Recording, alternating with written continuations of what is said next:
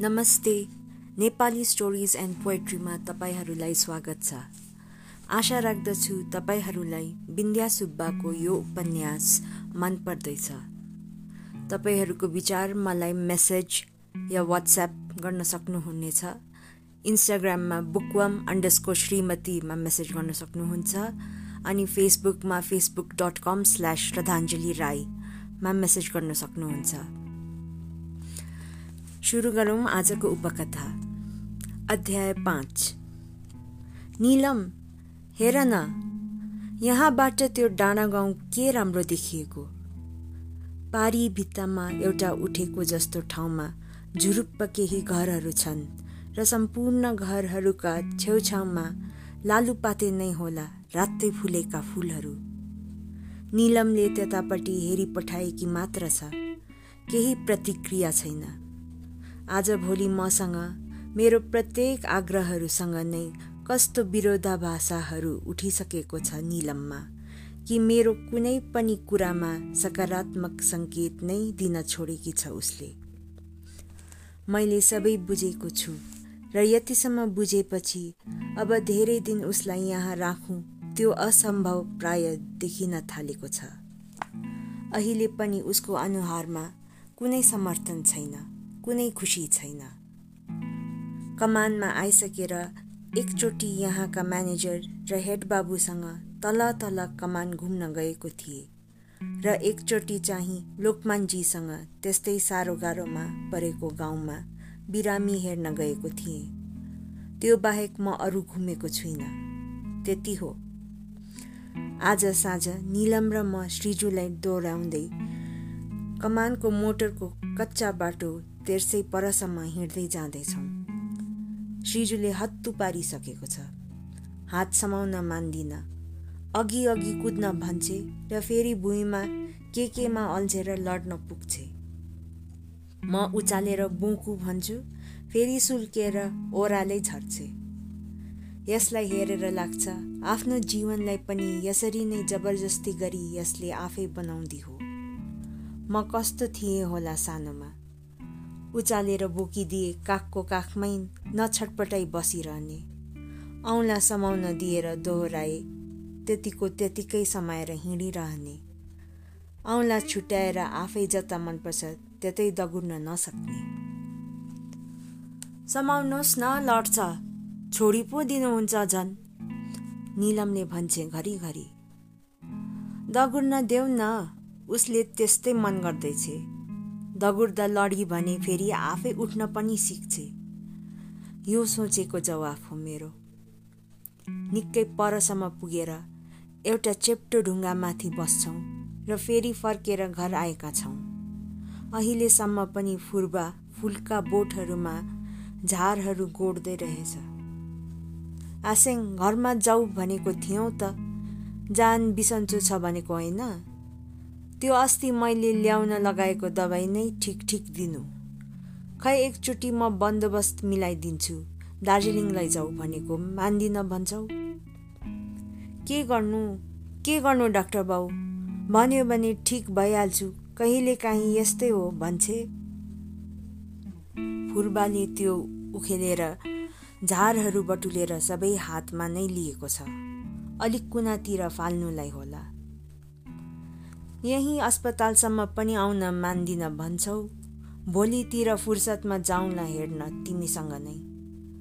सहुलियत सुविधा केही छैन यता। हुन सक्ने जति गरिसकेको छु। सन्तोषकै निम्ति भए पनि एकचोटि चाँडै दार्जिलिङ लैजाऊ म चिठी बनाइदिन्छु। एकहोरो जस्तो भएर भुइँ हेरिरहेको छ ऊ। के सोच्दै होला? म भित्र पसेको छु अहिले। निलमले लुगा फेरिसकेछ रमालले लगिछ श्रीजुलाई बैठक कोठामा नै बसेर चिया पिउँछौँ हामी। म कोठामा पस्छु रमाले त्यही खेलाउँदै रहेछ श्रीजुलाई म त्योसँग बसेर रमालाई पठाउँछु। त्यसलाई एउटा खेल्नी दिएर म किताब लिई पढ्न बसेको। फेरि म पढ्छु भनेर किताब नै खोज्न आइपुग्छे। अर्को दिएको हुँदैन अरे। मेरै हातको चाहिने। फेरि रमालाई बोलाएर लैजाऊ भनेको मडारिएर जान मान्दिन। होस् होस् ल्याउ रमा। पापासँग नै बस्छ मेरी छोरी। राख्छु फेरि बिछ्याउनामा श्रीजु तिमी कसको छोरी भन त? फकाएर।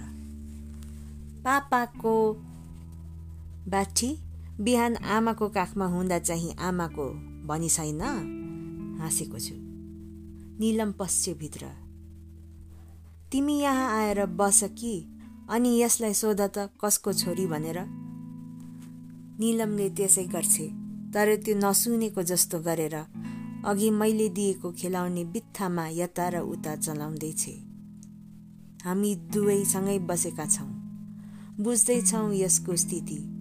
मजा पनि लाग्दैछ। भन त श्रीजु। तिमी कसकी छोरी? झन्डै झन्डैसँगै फेरि सोधेका छौँ। केही लागेन।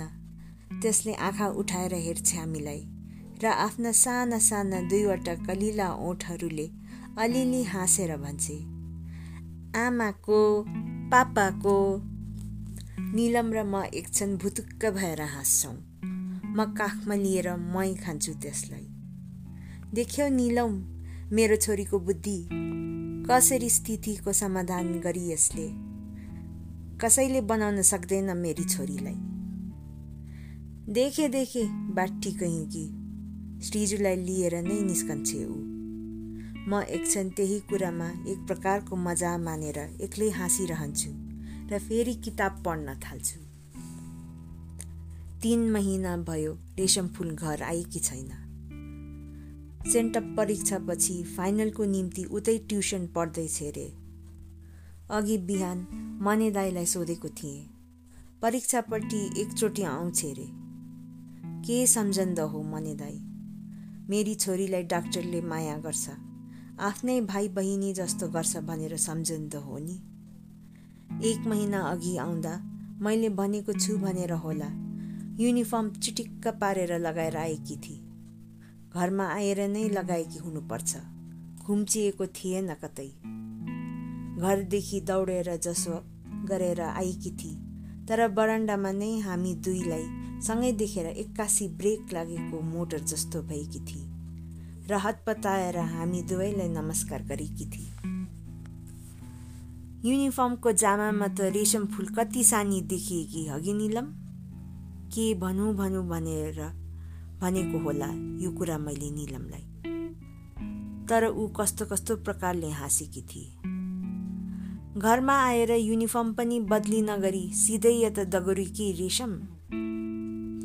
श्रीजुलाई आउ न आउ न गरेर हातको सङ्केतले बोलाउँदै गरेकी रेशम फुल निलमले भनेकी सुनेर केही बेर अडिए।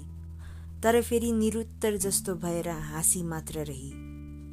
मलाई लाग्यो तर मनमा नै भए पनि उसले भन्दै होली घरमा आएर लुगा फेरेर त यो लगाएको? मलाई यसरी किन मोह हुन्छ यस केटीप्रति? किन आसक्ति हुन्छ? किन बाटो हेर्न मन लाग्छ रेशमको? निलो फ्रक कालो स्वेटर लाएर दुईपट्टि केश बाटी आउँछे। के यतिले गर्दा? यतिले गर्दा नै के उसको सामिप्य मन परेको मलाई? रातको एघार बजेको सूचना फ्याक्ट्रीको घन्टाले दिँदैछ। निन्द्रा लागेको छैन मलाई। छेउमा निलम मग्न निदाएकी छ र उसको छेउमा भित्तापट्टि फेरि सृजना। बाहिर जाडो निकै छ होला। ठुलो बिछ्याउनामा घरिघरि चिसो आएको छ डिलपट्टिबाट खुट्टापट्टिबाट। पढ्दै गरेको किताब राखी टेबल ल्याम्प बन्द गरेर मैले भर्खर मात्र निदाउने प्रयत्न गरेको छु। पढ्नु पनि धेरै बेर कहाँ सकिने हो र? ओढ्नेबाट बाहिर निकालेको जति हात चिसो भएर ठिर्याउन भइहाल्छ। चक्कमन्न छ सबैतिर तर अहिले टाइगर भुकेको र भुक्दै गेटपट्टि दगुरेको सुन्दैछु। टाइगर! टाइगर! भनेर फेरि मङ्गलेले बोलाएको स्वर। फेरि गेट नेर आसिङको जस्तो स्वर पनि सुन्दैछु। टाइगर भुक्न छोडेको छ अहिले। म बत्ती बाल्छु र कुर्सीको हातमा राखेको ठुलो साल ओढेर निस्कन्छु। के भयो आसेङ यति बेला? फुर्बा नै त रहेछ। मनमा आशंका छ आफ्नो। डाक्टर बाउ साइली साह्रै फत्रक फत्रक पर्दैछ भुँडी दुखेर। त्यो अस्तिको औषधिहरू सबै दिइसके। बिसको उन्नाइस हुँदैन। के गर्नु सोध्न मात्र आएको। मुखले नभने पनि एकचोटि हेर्न जाउँ न डाक्टर बाउ भने जस्तो भाव छ फुर्बामा। म भित्र पस्छु प्यान्ट स्वेटर लगाउँछु र त्यसमाथि उही साल। निलमले अझ केही चाल पाएकी छैन। मङ्गलेलाई भनिराखेर हातमा टर्च लिई म फुर्बाको पछि पछि लागेको छु। टाइगर पनि सँगसँगै पछ्याउँदै आउन खोज्दैछ र म फेरि त्यसलाई घरतिरै खेद्दैछु अहिले बाटोमा अर्को भुस्या कुकुरहरूसँग लडाइँ परेर हिँडिसक्नु बनाउँदैन। एउटा ढुङ्गा टिपी हिर्काइ पठाउँदा बल्ल भाग्यो त्यो। पुसको महिना निकै जाडो छ। एउटा अर्कै हात सालभित्र छ। र अर्को हातले टर्च लाइट समातेर बाटो हेर्दैछु। फुर्बालाई पनि देखाउँदैछु। उसले मेरो आवश्यक दबाई सुईहरूको बेग बोकेको छ। साह्रो टाढो छैन मेरो घरदेखि। पन्ध्र मिनट जतिको बाटो छ पूर्वाको घर। तर प्रथमचोटि बस्दैछु म उसको घरमा। बाहिर एउटा चारकुने माटोले लिपेको सिकुवालाई पनि पार गरी म फुर्बासँग भित्र पसेको छु।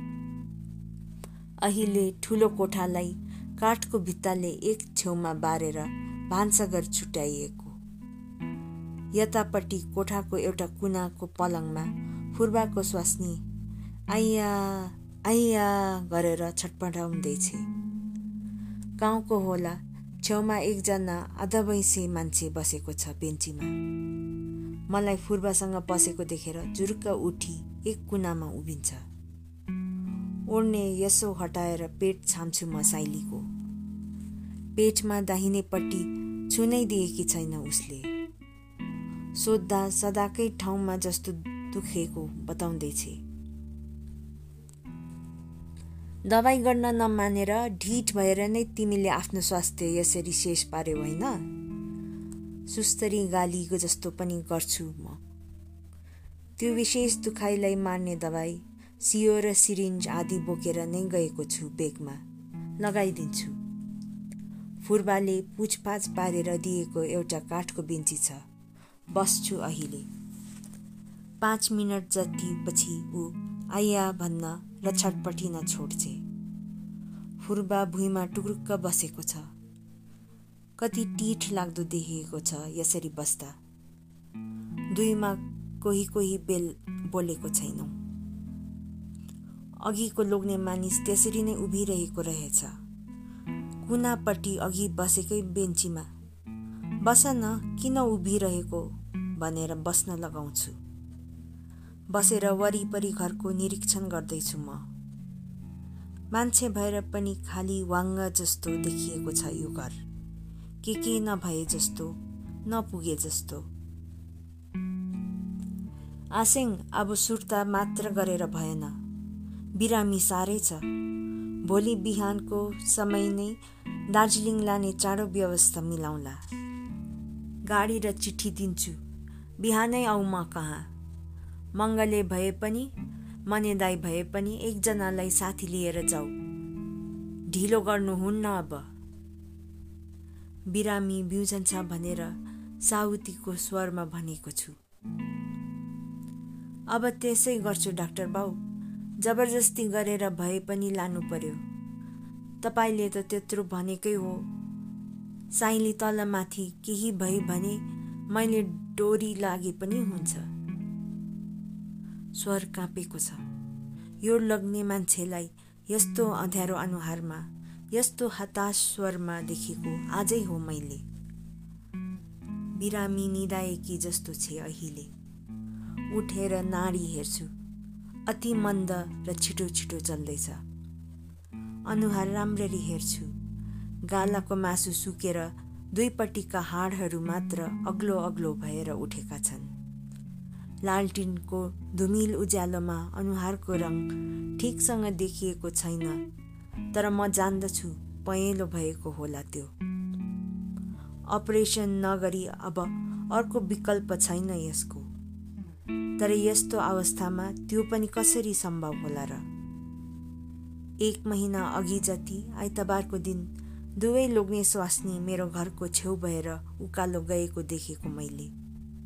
सुकिलो फरिया मजेत्रो लगाएकी सिउँदोमा सिन्दुर र निधारमा रातो टिका। दुब्लो त दुब्लै भए पनि उज्यालो अनुहार। त्यसपछिदेखि आजै हो देखेको उसलाई। तर एक महिनाभित्रमा पत्याइन नसक्ने गरेर कति खच्किसकेछ धस्किसकेछ ऊ। यो महिनाभरि दुखेर नै बिताई होली। तर फुर्बाले कहिले केही भनेन मलाई। सोध्यो भने खालि? आ त्यत्तिकै हो त्यो। तर अहिले त अलिक ठिकै छ भन्ने गरेको थियो। ऊ पनि कम छैन। स्वास्नीले मानेन भन्यो अनि आफू पनि हात बाँधेर बस्यो। सचेत हुनु भन्ने छैन कुनै पनि कुरामा। खर्चपात छ पुग्छ सोधेको छु। खर्च त छ पुग्छ होला उसको जवाब।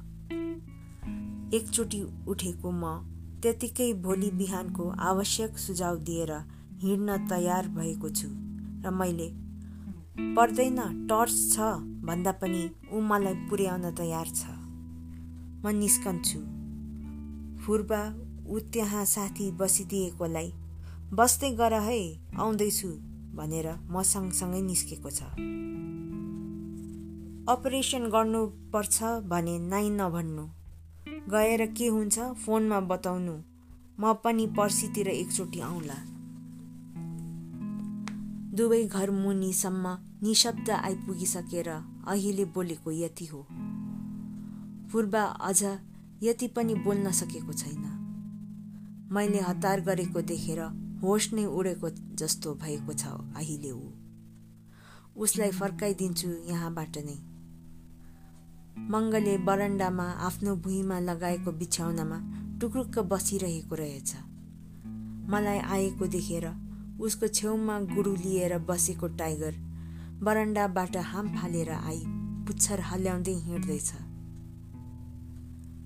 सुत्दै गरेको भए हुने मङ्गले किन बसिरहेको? भन्छु म। जाडो छ कतिचोटि चाहन्छु मङ्गले पनि भित्रै सुतोस्। तर फेरि झसङ्ग हुन्छु। ऊ यो घरको रखवाली गर्ने हो र यो घर म यहाँ भएर पनि मेरो होइन। बिहान चाँडै उठेर तिमी फुर्बाको घर निस्क ल तिमीसँग केही सल्लाह गर्नेछ उसले। भित्र पस्छु।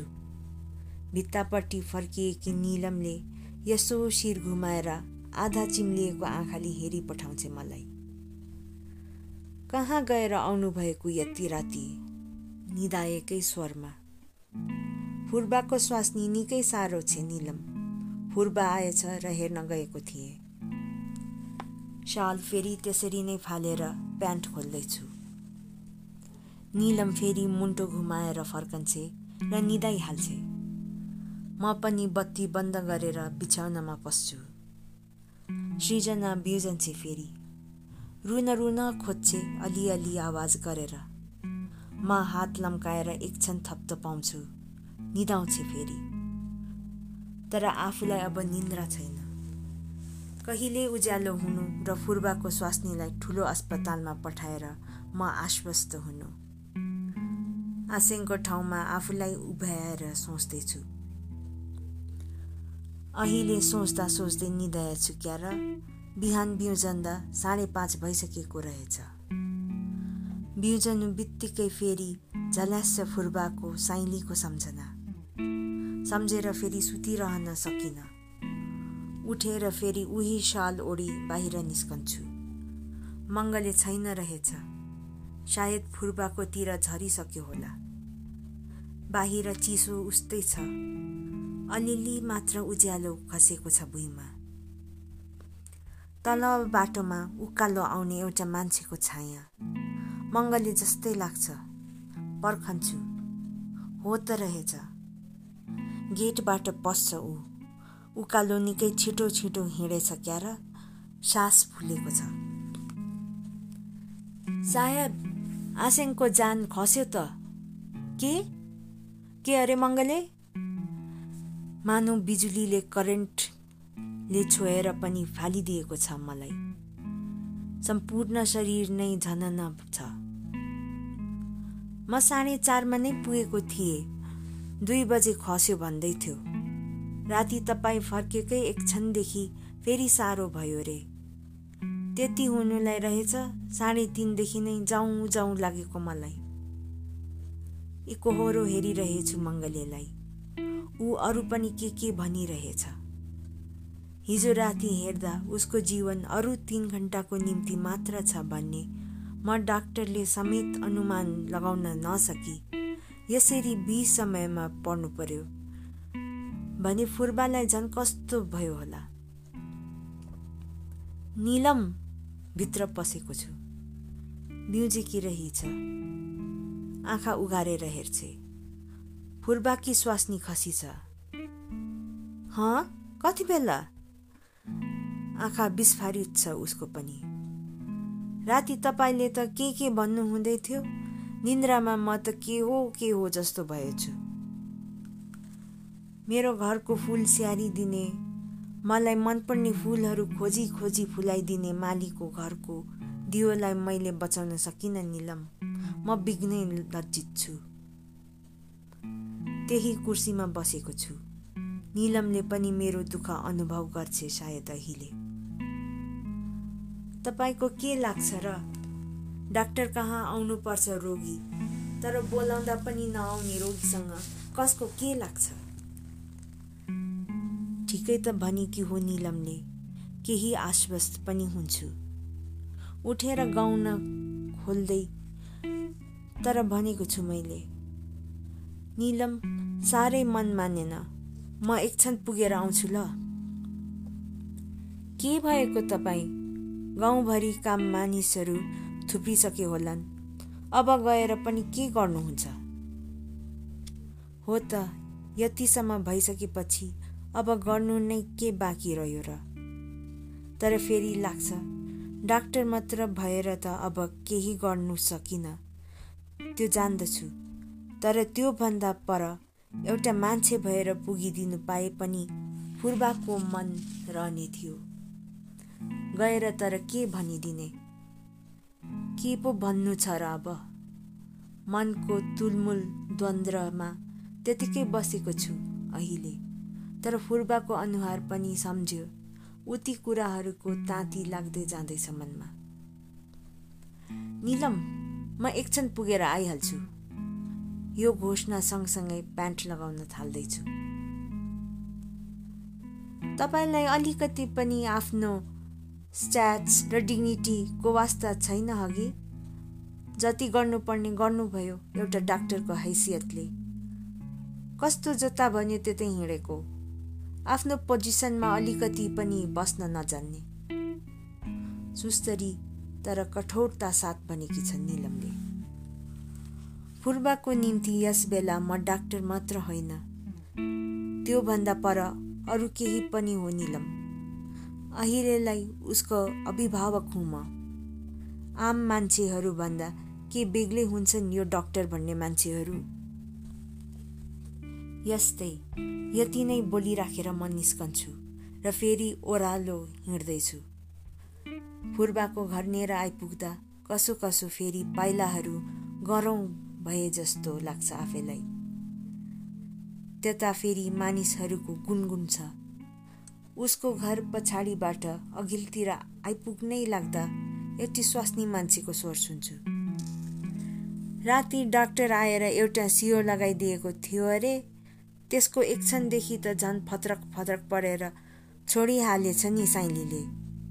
हाम्रो नानीको बाउ त यहीँ थियो रातभरि। फेरि अर्को सित्तैमा ठेस थियो। ती मानिसहरूको अगाडि आइपुग्न दुई चार पाइलाहरू मात्र बाँचेर भित्तामा छिलिएको छु। पाउ झन गरुङ भएको छ। त्यतिकै उभिरहन्छु एक क्षण। थुप्रै गुनगुनहरू छन् अझै त्यतातिर। र फेरि पाइलाहरू स्वत उकालो फर्कन्छन् फर्कँदैछन् फेरि फेरि फुर्बाको सोधखोजसम्म गर्न सकेको छुइनँ। ऊ किरिया बार्न जुठोमा बसेको होला। तेह्र दिनमा गरिएको अन्त्येष्टिमा तिन सय रुपियाँ मनेको हातमा पठाइदिन्छु। के गरेको होला यो मैले? यति पठाएर फुर्बाको अघि आफूलाई के बुझाउन खोज्दैछु? भनी पठाउँछु पनि ऊद्वारा नै। धेरै दिन घरमा नबस्नु रे। भन्नु काममा आयो भने मन पनि भुलिन्छ। तर पनि मनमा भने लागेकै छ फुर्बा अझ कति दिनसम्म नआओस् काममा। जति दिनसम्म सामान्य हुन सक्दैन यो मन। किन कसो कसो उसको सामना गर्न गाह्रो जस्तो हुन थालेको मलाई। यसको उत्तर खोज्छु आफैमा। फेरि त्यो स्वास्नी मान्छेले भनेको कुरा कहाँ जोड्न खोज्छु र कहाँ कहाँ फेरि भत्किहाल्छन् मेरो सम्बन्धित कुराहरू? कता के समाउन पुग्छु? कतै केही जित्नुलाई? तर हातबाट सूत्रहरू यसरी फुस्कन पुग्छन् र उत्साहित मन पल्हाएको मन फेरि उही दुई डाँडा माझको चिसेनी हुन पुगिहाल्छ र हप्तौँ महिनौसम्म एक प्रकारको मानसिक मृत्यु मरेर म बाँचेको हुन्छु। स्वास्नीको मृत्युको उन्नाइसौँ दिनपछि फुर्बा काममा आएको छ।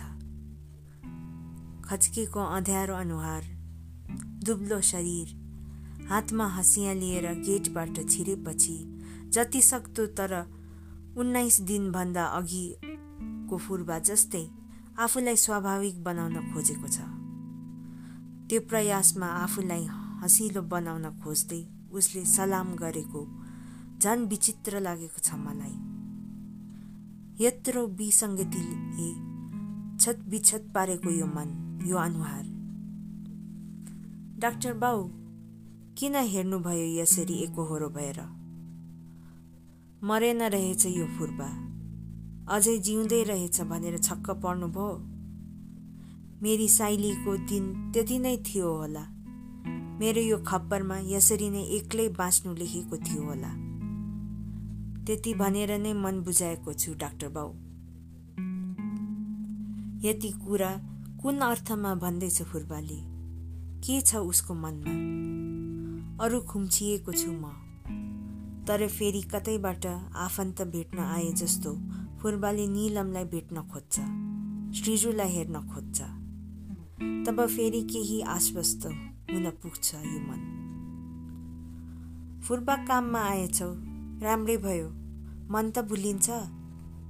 मेरो सट्टामा ठिक त्यस्तै कुरा निलमले भनिदिएकी छ। म निशब्द जस्तै छु आज फेरि। जाऊ भान्सामा मने छ। चिया बनाइ मागेर खाऊ। फेरि निलमले फुर्बा भान्सा घरतिर गइसकेपछि आज मात्र फुलहरूमा मेरो पनि आँखा परेको छ। सबै गमलाहरूमा फुलका बोटहरूलाई केही न केही मसिना झारहरूले ढाकिसकेछन्। यस्तो प्रकारले आएर स्वाभाविक रूपले काम समाउन सक्ला फुर्बाले? सोचेको थिए होला र मैले। काममा आएपछि उसलाई सामना गर्नुपर्ने प्रयास र तयारीमा मैले कतिचोटि मर्दै बाँच्दै गर्नु परेको थियो। तर एउटा कुरा भने अझ किटेर म भन्न सक्छु। फुर्बाको अनुहारको यो स्वाभाविकता त्यो गेटबाट छिरेपछि मात्र आएको हो। यो स्वाभाविकता स्वाभाविक हुनै सक्दैन कसै गरी फुर्बा आउँछ। बरन्डाको डिलमा राखेको हँसिया टिपेर सिधै उही बेगुनियाहरूका लहरमा अघि टुक्रुक्क बस्न पुग्छ र यसो पातहरू हल्का हातले पन्साउँदै किराहरू हेर्न थाल्छ। देखेर आफैलाई भन्न मन लाग्छ फेरि। भयो फुर्बा नस्याएर अब यी फुलहरू। नफुलाउ मलाई मनपर्ने भनेर।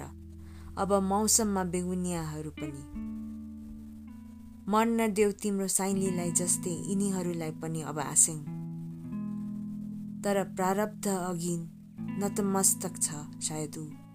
बुझेको छ जे हुन्छ बितेर जान्छ। त्यसलाई बिर्सने प्रयत्न गर्नुपर्छ। र जे जति हातमा रहन्छ त्यसैलाई स्याहार गर्नु फुलाउनु सक्नुपर्छ। यस्तै केही मनमा हुनुपर्छ यो सोझ हो जस्तो देखिने श्रमजीवी मान्छेको मनमा। फेरि लाग्छ उसको साइलीको मृत्युलाई लिएर अलिकति पनि अपराधबोध नहोस् मेरो मनमा यो कुराले। प्रयत्न नै गरिरहेको छैन उसले। पूर्व म हारे तिमीसँग। नतमस्तक छु म तिम्रो अघि। तिम्रो हृदयको विशालताको अघि। कसो कसो बरुसँगै तिमीसँग प्रभावित छु म आसे केही न केही सिकिरहेछु तिमीबाट।